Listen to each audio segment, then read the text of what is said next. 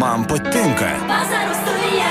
Vasaros studija. Tikri įspūdžiai ir nuoširdus žmonės. Radio stoties FM99 rubrikoje Vasariški pokalbiai. Prie mikrofono Liudas Ramanauskas.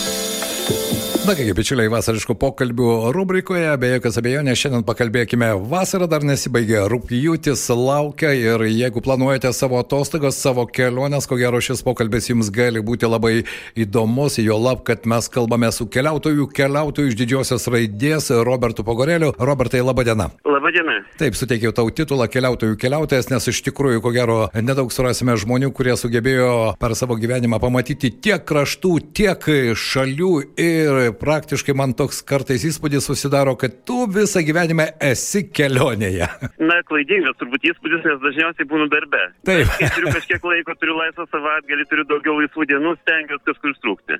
Bet tu sugebi tą padaryti ir štai, ir apsilankęs tavo Facebook'o paskyroje, šiandien mačiau, tu jau ryto valandomis kalbėjai apie klimato kaitą kelionėmis LRT eterėje prieš tai, nežinau, kada sugrįžai iš Islandijos. Taip, e, prieš porą dienų grįžau iš Islandijos, e, na irgi tokia gana trumpa kelionė buvo penkios dienos, bet labai intensyvi.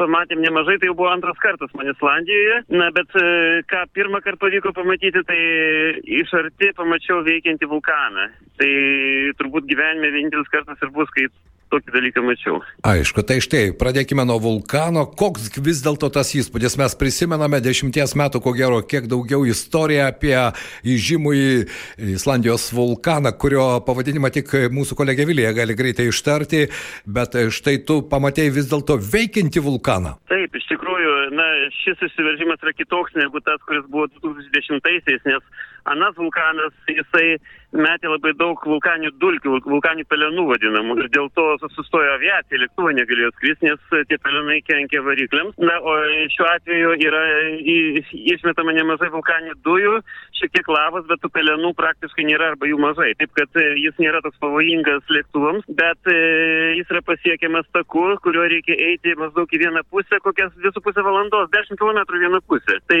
tas žygis užtruko apie 6 valandas, kadangi dar ten buvom pas- pastebėjom patį kraterį. Na ir laimė vėjas pūtė nuo mūsų, taip kaip mes su dujų praktiškai nejutome, bet galėjome stebėti kraterį, palipom dar aukščiau, kad e, daugiau pamatytume jo. Na ir iš tikrųjų įspūdingai. Taip, apsilankę Roberto Pogorėlio Facebook'o paskyroje jūs galite pamatyti ir filmuotą vaizdą ir toks, žinai, įspūdis, jog tai pragaro akis ar pragaro anga. Nežinau, koks įspūdis buvo realybėje. Na taip ir atrodo, iš tikrųjų pirmom dienom, nes kadangi tas vulkanas išsiveržė tik tai Liepos 10 dieną, tai yra labai nesenas dalykas ir labai dar nedaug žmonių spėjo pamatyti, tai pirmom dienom tos lavos, sako, buvo daugiau. Paskui šiek tiek nuslūgo, tai dabar jos yra mažiau. Na ten pas kraterį šiek tiek atlūžo, nes pradžiai vieną pusę tekėjo, dabar į kitą pusę ta lava teka, bet yra didžiulis laukas aplinkui, kai kur dar raudonuoja, dar įkaitus ta lava, dar nespės ataušti ir e, tą visą gali turistai pamatyti. Na, kai kurie e, nesilaiko taisyklių, yra grupė amerikiečių, kurie ten užlipo ant tos lavos, nors tai yra draudžiama ir pavojinga labai.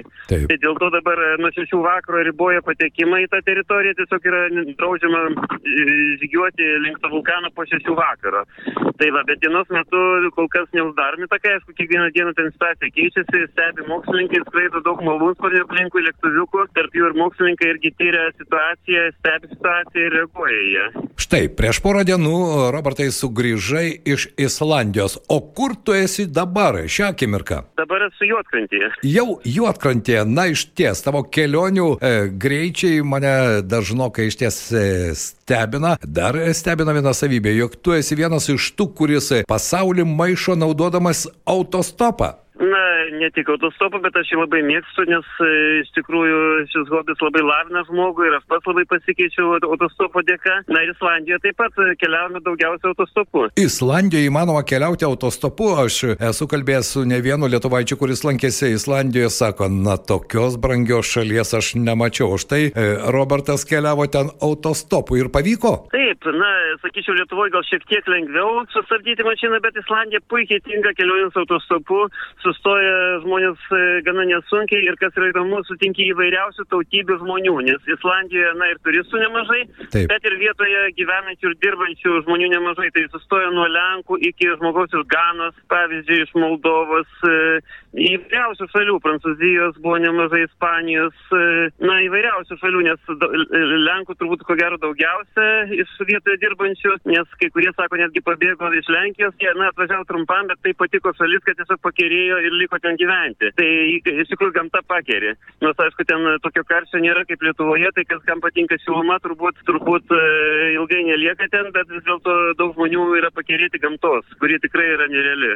Na, ne vienas lietuvaitis yra irgi apsistojęs Islandijoje, kaip sakė, na, trumpam, bet tas trumpam tęsiasi jau metų metais. Taip, taip, ir aišku, ir dėl uždarbio, bet taip pat ir dėl gamtos. Tai tiesiog tu išvažiuoji kur nors į gamtą ir tu gali būti vienas su ta gamta, tiesiog pabėgti nuo civilizacijos, pabėgti nuo žmonių ir pajusti tą ryšį su gamta. Ir pamatyti kvepuojantį ugnikalnį, kaip pavyko Robertui. Na taip, neaišku, kiek jis laiko dar bus aktyvus praeitą kartą. Žodžiu, toje vietoje 800 metų nebuvo jokio išsiveržimo iki 2021 metų, būtent tam pusėsalį, kur dabar yra veikiantis ugnikalnis ir tada e, kartą per metus jau trečią kartą įsiveržė ten gretimas krateris. Na, paskutinį kartą jis veikė, jis buvo aktyvus šešis mėnesius, dabar neaišku, labai sunku pasakyti, kiek tai tęsis, bet kas dabar yra Islandijoje arba artimiausiu metu keliausi, tai labai rekomenduoju tą žygį, jo labiau, kad yra tiesiog skrydžiai iš Vilnius, tai ir netokie brangus, taip kad e, tikrai rekomenduoju, jei tik turite jėgų, nu, nuskriskite ir nužygiuokite iki veikiančio ugnikalnio. Be jokios abejonės, tie, kurie planuoja savo keliones, galbūt dar šią vasarą į pietus tikrai dabar ko gero niekas bent jau trumpą laiką nerizikuoja keliauti, tad pasirinkta kryptis Islandija gali būti visiškai puikia alternatyva. Bet Robertai norėčiau paklausti, iš ties esi apkeliavęs, nežinau, kažkada mes kalbėjome, ten buvo virš 70 šalių, galbūt dabar tas skaičius jau kur kas didesnis? 85 dabar. 85, na štai, e, bičiuliai, kiek žinote žmonių, kurie aplankė 85 šalis? Na, aš galėčiau... Na, žinau sus... žmonių, kurie aplankė 190, bet tokių nedaug.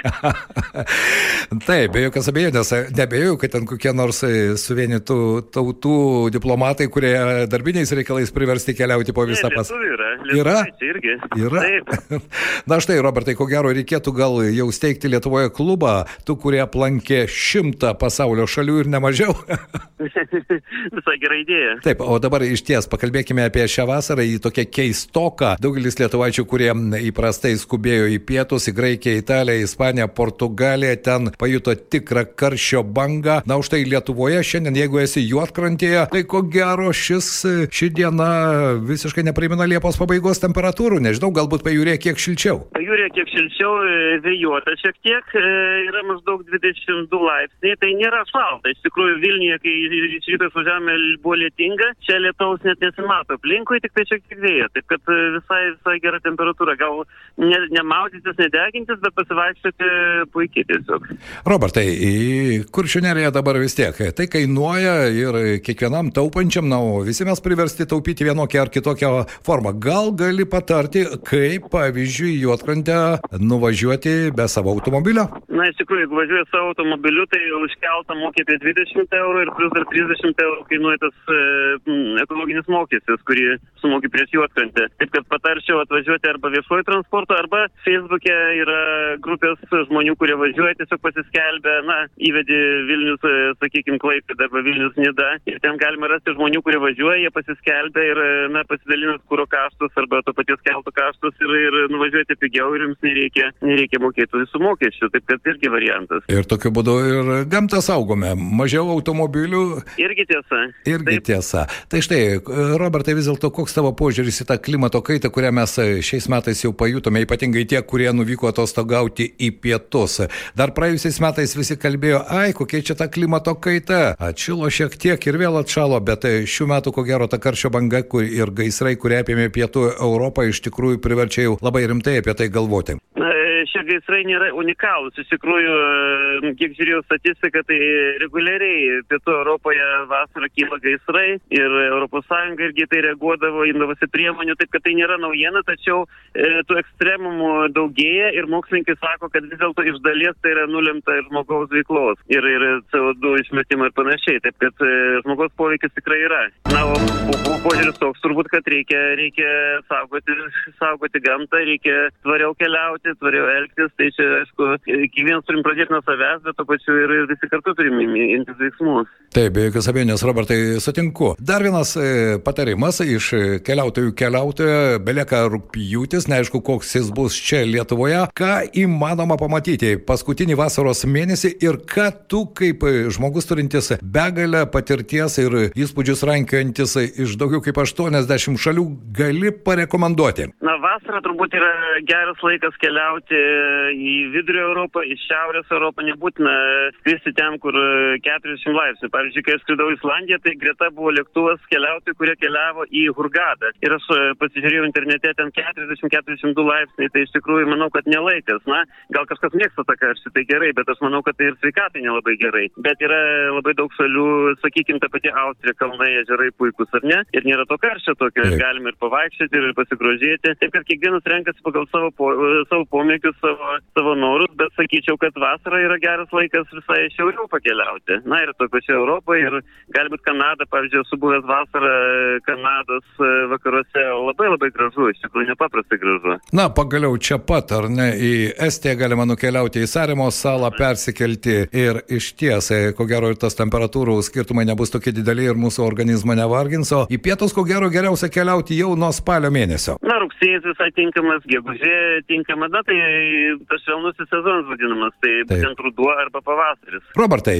štai pamatėjai Islandijoje gyvą ugnikalnį.